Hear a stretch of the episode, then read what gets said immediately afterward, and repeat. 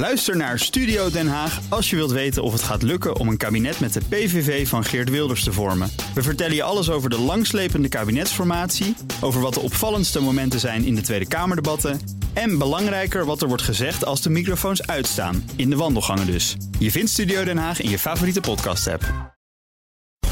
BNR Beurs wordt mede mogelijk gemaakt door Bridge Fund. Make money smile. BNR Nieuwsradio. BNR Beurs. Wesley Weerts, Jelle Maasbach. Ja, je werkweek is begonnen. En mocht je daar nou niet heel enthousiast van worden, dan hopelijk wel van deze spik splinternieuwe aflevering van BNR Beurs. Want ja, Jelle en ik sleuren je anders wel door die werkweek heen. Zeker, wat een enthousiasme gooi jij eh, erin. Ik ben zo enthousiast. Heel goed eh, inderdaad dat je weer luistert op de dag dat de olieprijs door het dak ging. OPEC Plus has announced a surprise cut of over 1 million barrels per day. We have seen prices rocketing up on this announcement. De die sloot uiteindelijk toch in de plus op ruim 758 punten. Een stijging van 0,3 procent. En over stijgers gesproken, Shell staat bovenaan met een winst van 4,1 procent. En we hebben genoeg te bespreken. En dat doen we met Corné van Zel van Actiam. Zo, dus uitgebreid over die olieprijs. Eerst uh, ander nieuws dat ons opviel. Ik vond het vertrek van de CEO van For Farmers opvallend. For Farmers, je weet wel, het veevoederbedrijf uh, en dat ziet Theo Spierings opstappen. Hij zat er pas sinds vorig jaar, die topman. Maar hij stapt op vanwege gezondheidsredenen en persoonlijke omstandigheden. Maar dan moeten ze op zoek naar een nieuwe topman nu. Ja, hoe erg ook. En het kan gebeuren. Maar het is wel de tweede CEO in korte tijd die vertrekt vanwege gezondheidsredenen. Zijn voorganger ging dus na een half jaar al weg om dezelfde reden. Nou, ze wilde Theo Spiering om rust in de tent te krijgen, omdat zijn voorganger snel wegging en omdat het financieel beter kon. Die man die leidde onder meer de fusie tussen Friesland Foods en Campina, een zwaar gewicht. Maar ze zijn hem dus uh, kwijt. En nu? En nu moet Pieter Wolleswinkel het gaan doen. Die zit op dit moment al uh, in de directie. Nou, ik zag dat de Zwitserse justitie een onderzoek is gestart naar de overname van Credit Suisse door UBS. En ze kijken of nu alles volgens de regels is gegaan. Ja, die overname die is er in een weekend doorheen geramd. Ze gaan nu even kijken of alles wel goed is uh, ja, gegaan. Ja, misschien juist daarom wel. Want justitie kijkt of ambtenaren, toezichthouders en managers bij beide banken de regels hebben overtreden. Oh. En in een rapport staat dat er talrijke aspecten van gebeurtenissen bij Credit Suisse waren die een onderzoek rechtvaardigen. Dus ja, heel benieuwd wat daaruit gaat komen. Corné, wat voor strafbaas zou er gebeurd kunnen zijn? Nou ja, dat de regels uh, niet zijn gehanteerd, dat klopt wel. Want ja, de, er zijn veel dingen gebeurd, maar dat heb je in een stresssituatie. Dan moet je eventjes koppen met spijkers slaan. Ja. Ja, wat er dan precies gebeurd is, ik, uh, er kon niet gehandeld worden. Dus die ambtenaren konden zelf niet met voorkennis handelen. Dus dat kunnen we in ieder geval uitsluiten. Maar ja, voor de rest, dat er niet volgens de, regels is gehandeld... dat lijkt me wel één ding wat als een paal boven water staat. Ja, ik zag echt een uh, mega huurbedrag voorbij komen. In Arizona heeft iemand zijn villa een weekje verhuurd... en kreeg daarvoor 500.000 dollar. Hallo. Waarmee hij in één klap twee jaar aan hypotheek kan afbetalen. Nou, dan was het al geen kinderachtig huisje. Nee, het ligt in uh, Paradise Valley. Dit uh, optrekje is van een cybersecurity expert gekocht voor 7 miljoen dollar. Hij wil het niet verhuren, maar hij zegt tegen de Wall Street Journal: Mijn trots is niet zo groot. Voor 500.000 dollar ga ik wel een weekje het huis uit. Ja, tuurlijk. Uh, die verhuurder die wist alleen niet wie zoveel geld had. En voor zo'n korte tijd dat bedrag wilde neerleggen. Dat kwam pas later. Dat was namelijk deze vrouw.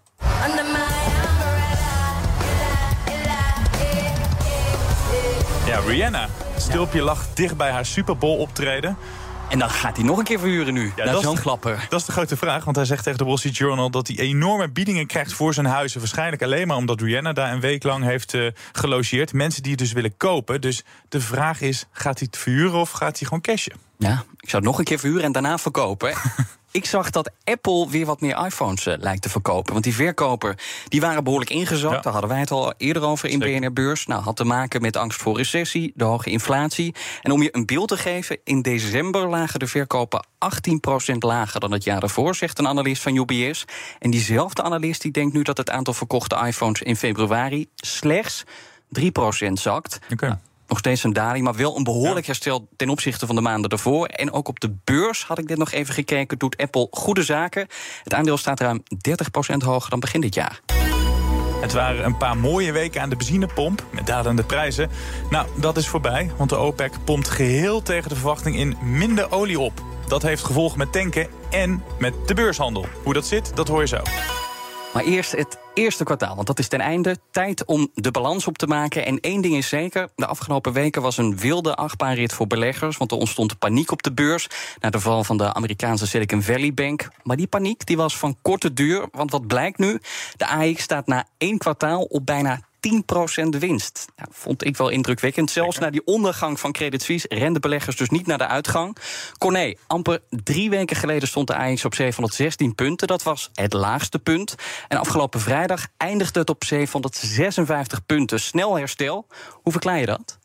Um, nou, dat kan ik eigenlijk niet. Uh, ik uh, heb toevallig een enquête gehouden onder beleggingsexperts. En uh, ik heb gevraagd wat die ervan gaan verwachten. En die denken dat de beurs omhoog gaat. Na aanvankelijke somberheid de afgelopen maanden. Dus bij hun zijn de lentekriebels wel weer vol op aan het spelen.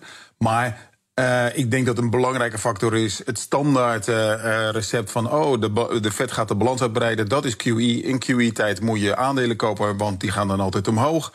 Ik denk dat het geen echt QE is, want deze wordt heel snel teruggetrokken. Maar je ziet ook dat de rente erg eh, snel gedaald is. Ja. Uh, en ook de renteverwachtingen van de Fed.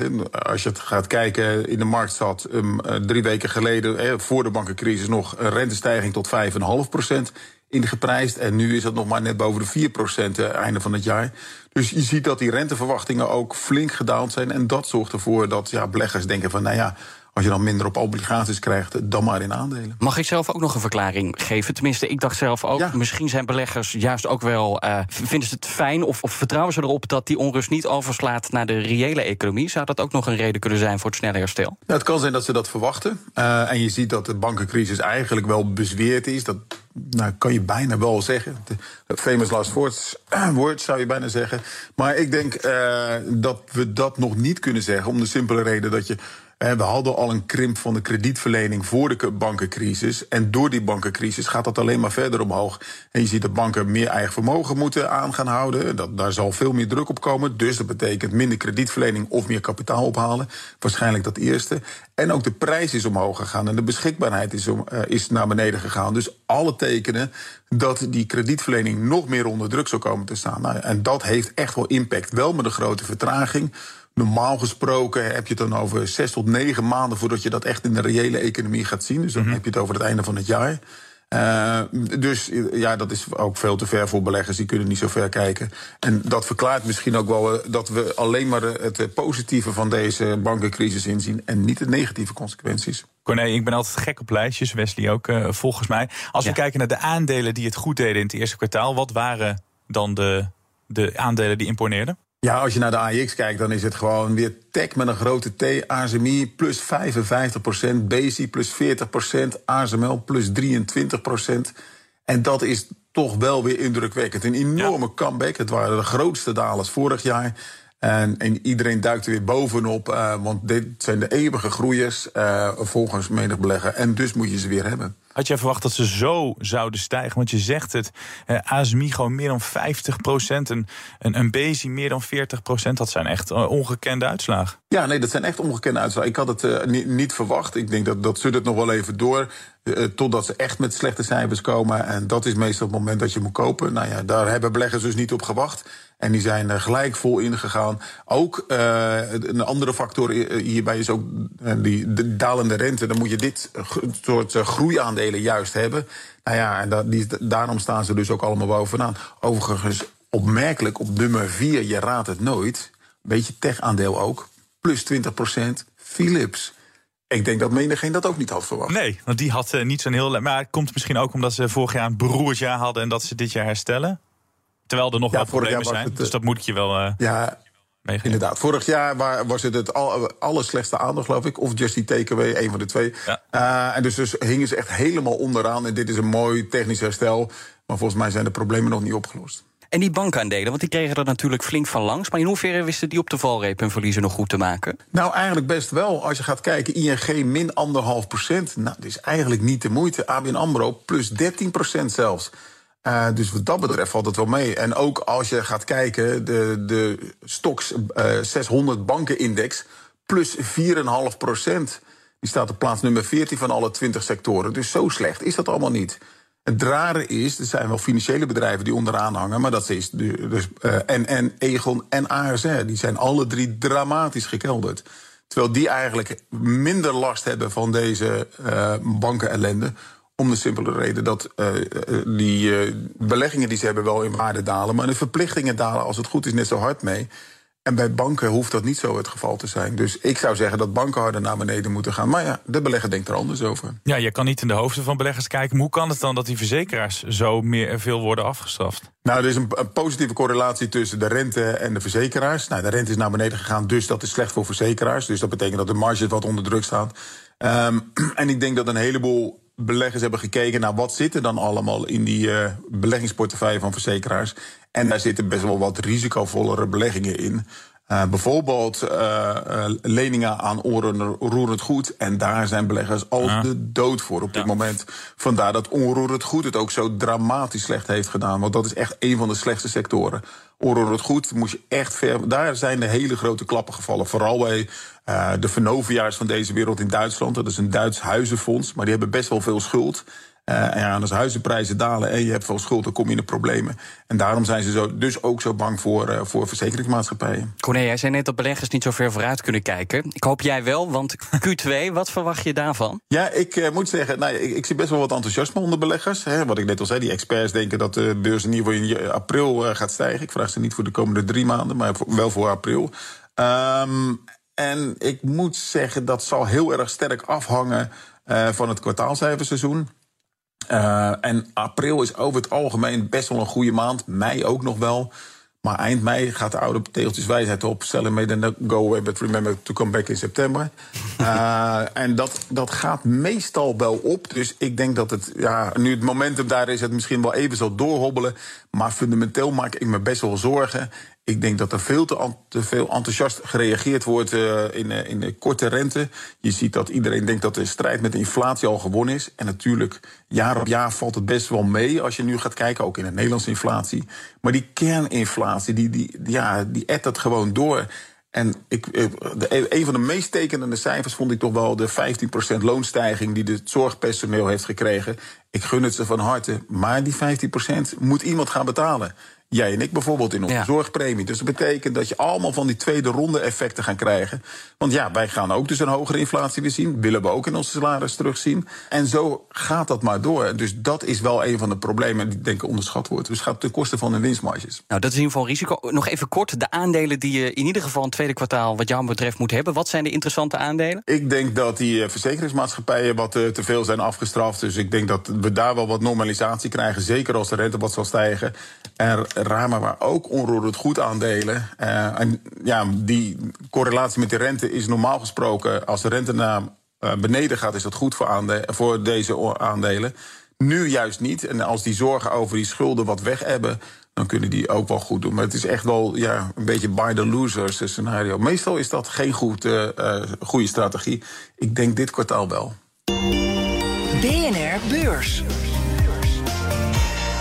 Wisselend beeld uh, op Wall Street. De Dow Jones staat in de plus, 0,7% De S&P 500 onveranderd. En de Nasdaq verliest 0,8% Tesla, laten we daarmee beginnen. Dat levert een record aantal auto's. En toch stelt de autobouwer teleur. Er was namelijk op meer gerekend. Zeker nu topman Elon Musk wereldwijd met kortingen strooit. In totaal leverde Tesla van januari tot en met maart bijna 423.000 auto's. Een stijging van 36% op jaarbasis. Dan denk je... Mooi cijfer. Maar niet heus. Maar niet heus, want Tesla had beloofd om in te zetten op 50% groei. De kortingen kunnen kopers dus niet massaal verleiden. Dat zorgt ervoor dat het aandeel naar beneden gaat. En hoe 5,8% maar liefst naar beneden. Uh, Corné, had jij ook op meer uh, gerekend van Tesla? Nou, zo goed kijk ik niet naar Tesla, zou ik je eerlijk bekennen. maar de beleg is duidelijk wel. Uh, min 6% tikt best wel aan. En nou, je ziet het heel duidelijk in het feit dat de voorraden sterk oplopen. Met name in het uh, XS-model. Um, en ja, het is ook eigenlijk logisch. Als je dat soort uh, gigafactories neerzet in, in, in Berlijn en in Austin in Texas... En natuurlijk hadden we die in, in China al. Ja, er worden genoeg auto's geproduceerd. Maar ja, je kan met kortingen gaan strooien. Maar dan moet die vraag wel zodanig toenemen dat je dat dus ook kwijt kan. En dat is dus blijkbaar niet gelukt. En bovendien zijn een heleboel, uh, met name uh, uh, Chinese concurrenten, gelijk erachteraan gegaan met ook enorme kortingen. Dus dat betekent dat je daar gewoon jezelf in een prijsconcurrentie heeft gestort. En daar wordt uiteindelijk niemand wijzer van. In West-Europa en in Amerika valt het wel mee met die prijsconcurrentie. Maar ja, uiteindelijk goed is het niet. Uh, en uh, over een paar weken komen de winstcijfers. Uh -huh. Ik ben benieuwd wat daarvoor effecten te, te, zien zullen zijn. Want uiteindelijk, als je ja, iedere prijskorting die je geeft, gaat direct van je winst af. Dus ik ben benieuwd hoe dat zal uitpakken. Ja, dat is de grote vraag. Want hij heeft een prijzenoorlog ontketend. Het lijkt ja, hem. Uh, niks op te leveren. Hoe lang hou je het vol? Want het gaat, zoals je zegt, ten koste van de winst. Dus hoe lang kan Tesla dit volhouden? Uh, nou ja, de financiering hoef je niet zoveel zorgen te maken. Ze hebben redelijk gefinancierd. Uh, ze hebben wat aandelen uitgegeven, zelfs voordat uh, Musk zijn eigen aandelen verkocht. En je moet ook bedenken dat Tesla een, een ander businessmodel heeft. Hè. Ze hebben geen dealers, ze hebben geen um, garages waar de auto's gemaakt moeten worden. ze hebben geen verkoopkanalen, marketing doen ze niet. Dus ze hebben hun businessmodel is, omdat het allemaal directe leveringen is, is het veel efficiënter. En houden ze al die marge die al die tussenpartijen bij gewone autoproducenten wel hebben, houden zij in eigen hand. En dat betekent dat hun marges gewoon standaard een heel stuk hoger zijn. Dus ze kunnen ook een heel eind dalen. Nou, dat is misschien wel zo. Maar ja, als die prijsverlaging geen effect heeft, waarom zou je hem dan stand houden? Ja, nou ja, dat is de vraag. Ik denk omdat de productie dusdanig omhoog geschroefd is. Hè. Iedereen was heel erg uh, blij dat overal die, die gigafactories werden neergezet. Maar dat betekent dus wel dat je echt enorm veel auto's meer maakt. Hè. Die moet je ook weer zien te verkopen.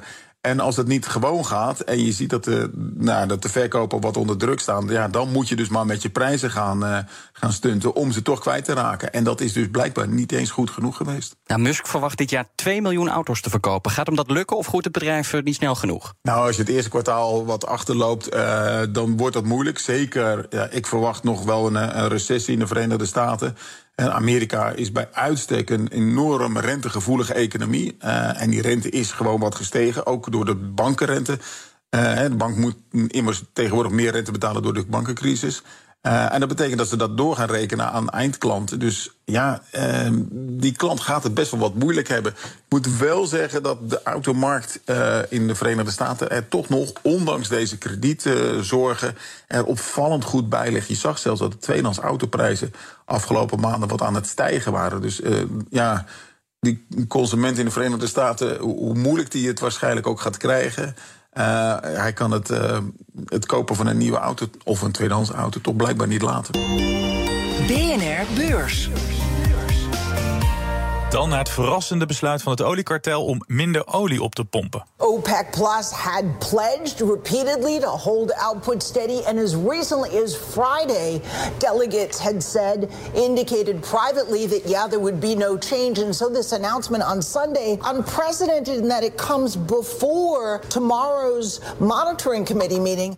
Ze beloofde het nog zo, de productie gaat niet naar beneden. Maar die belofte is dus twee dagen later verbroken. De prijs van een vat olie ging procent omhoog. Corné, officieel is dit om het overaanbod te voorkomen. Maar is dat het ook? Dit is toch gewoon ordinair cashje? Uh, nee, ik denk echt dat het is om het overbod uh, aanbod ja? te voorkomen. Want je ziet dat de vraag best wel tegenvalt. Iedereen had zijn kaarten gezet op een enorm herstel in uh, met name China in de na-COVID-periode. Um, en wat daar blijkt is dat uh, mensen vooral uh, uit eten gaan, naar de bioscoop gaan en dat soort zaken weer, uh, weer doen. Mm -hmm. Maar als je bijvoorbeeld naar het aantal vluchten kijkt, dat is nog maar een kwart van 2019. Dus dat herstelt wel. het is veel meer dan vorig jaar, maar veel en veel minder dan waar iedereen op had gerekend. Ja, en als je dus niet de reis en al die olie niet verbruikt, dat betekent dus dat er een tegenvallend aanbod is. En dat verklaart ook waarom de olieprijs zo hard gedaald is. Dus ik vind het eigenlijk een beetje een zwaktebod. Ook omdat ze het eerst hadden laten doorschemeren dat ze het niet zouden gaan verlagen. En toch wel, nou, een beetje gelijk wat de woorden van uh, OPEC waard zijn. Uh, nou, ik denk dat menigeen dat al zo had ingeschat. Maar goed, het blijkt nu ook daadwerkelijk uh, dat je niet te veel aan hun woorden moet, moet hechten. Um, en dat geeft dus ook aan ja, dat, dat zij eigenlijk een beetje uh, ja, water bij de wijn hebben moeten doen. Om, om de simpele reden dat als, als jij niet met je uh, aanbod naar beneden gaat, dat de olieprijs onder druk blijft staan. Want de vraag valt nou eenmaal tegen. En wakkert dit nou ook echt de inflatie verder aan? Nou ja, natuurlijk op zich wel. Uh, dit betekent dat we over een paar dagen wat meer aan de benzinepomp gaan betalen. Maar het is maar een, ja, een, een 6% stijging. Dat is nou ook niet echt om wakker over te leggen. We zijn op het niveau van drie weken geleden. Dus Ja, nou, ik, uh, ik, ik, ik, ik, denk dat de effecten nauwelijks te merken zal zijn. Maar ik zag ook dat die olieprijs misschien wel weer uh, richting of over de 100 dollar zou, zou kunnen gaan. Of denk je van niet? Um, nou, op termijn wel. ik denk dat het uitermate goed is uit een milieuoogpunt. Hoe, hoe duurder die olie, hoe beter het is. maar voor de rest, ja, dat hangt helemaal van die, van die vraag af. en ik moet zeggen, ik, ik hoop nog steeds wel een beetje op een verder economisch herstel in China. Maar de, de, vooruitzichten zijn best wel somber. We hebben vanochtend uh, de Chinese uh, inkoopmanagersindex gezien. En die viel terug naar 50. en dat is daarmee toch wel een, een, niveau waarvan je zegt... nou, dat, zo goed gaat het daar niet. Vooral aan het productiesegment. De serviceindex komt over een paar dagen. Maar de productie, ja, daar valt het tegen. En dat betekent dus, uh, ja, die cijfers geven in ieder geval niet aan dat de vraag naar olie herstelt. Maar verwacht je dan ook dat die verlaging van die productie uh, voorlopig stand houdt? Nou, ook daar is de OPEC niet altijd even betrouwbaar in geweest. Ik denk dat Rusland alle olievaten die ze kunnen verkopen... nog zal verkopen wat ze ook hebben beloofd. En ook uh, de meeste OPEC-landen houden zich niet aan die productiekortingen. Dus dat, dat moeten we nog maar zien. Ehm, ik weet wel, als het, ja, ze zullen wel een beetje geloofwaardigheid moeten houden. Dus... Dus persoonlijk denk ik dat dit een vrij tijdelijk effect is en weg zal hebben. Voor de langere termijn verwacht ik dus dat herstel. En je moet ook beseffen dat er gewoon bijna niet geïnvesteerd is in extra uh, oliecapaciteitsproductie. Oftewel, er zijn geen nieuwe bronnen geslagen. Weinig en op termijn gaat dat echt wel een effect hebben. Ja, dus die macht van OPEC neemt ook toe. Nog heel even, heel kort. Olieaandelen, die schoten vandaag omhoog. Shell, de grootste stijger in de AX. 4,1% erbij. 4,1% erbij. Zijn dit soort aandelen nu ja, nog aantrekkelijker? Nee, dat hangt volledig af met de olieprijs. En als ik, nou, ik denk dat het dus een tijdelijk effect is. Dus zal het tijdelijk effect ook in de Shell te zien zijn.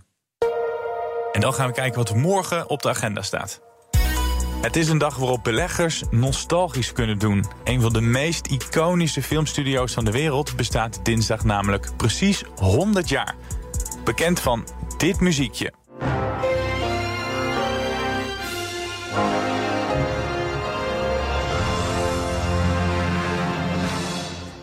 Tegenwoordig is Warner Bros. een van de grootste filmbedrijven van de wereld en concurreert het met Universal en Disney.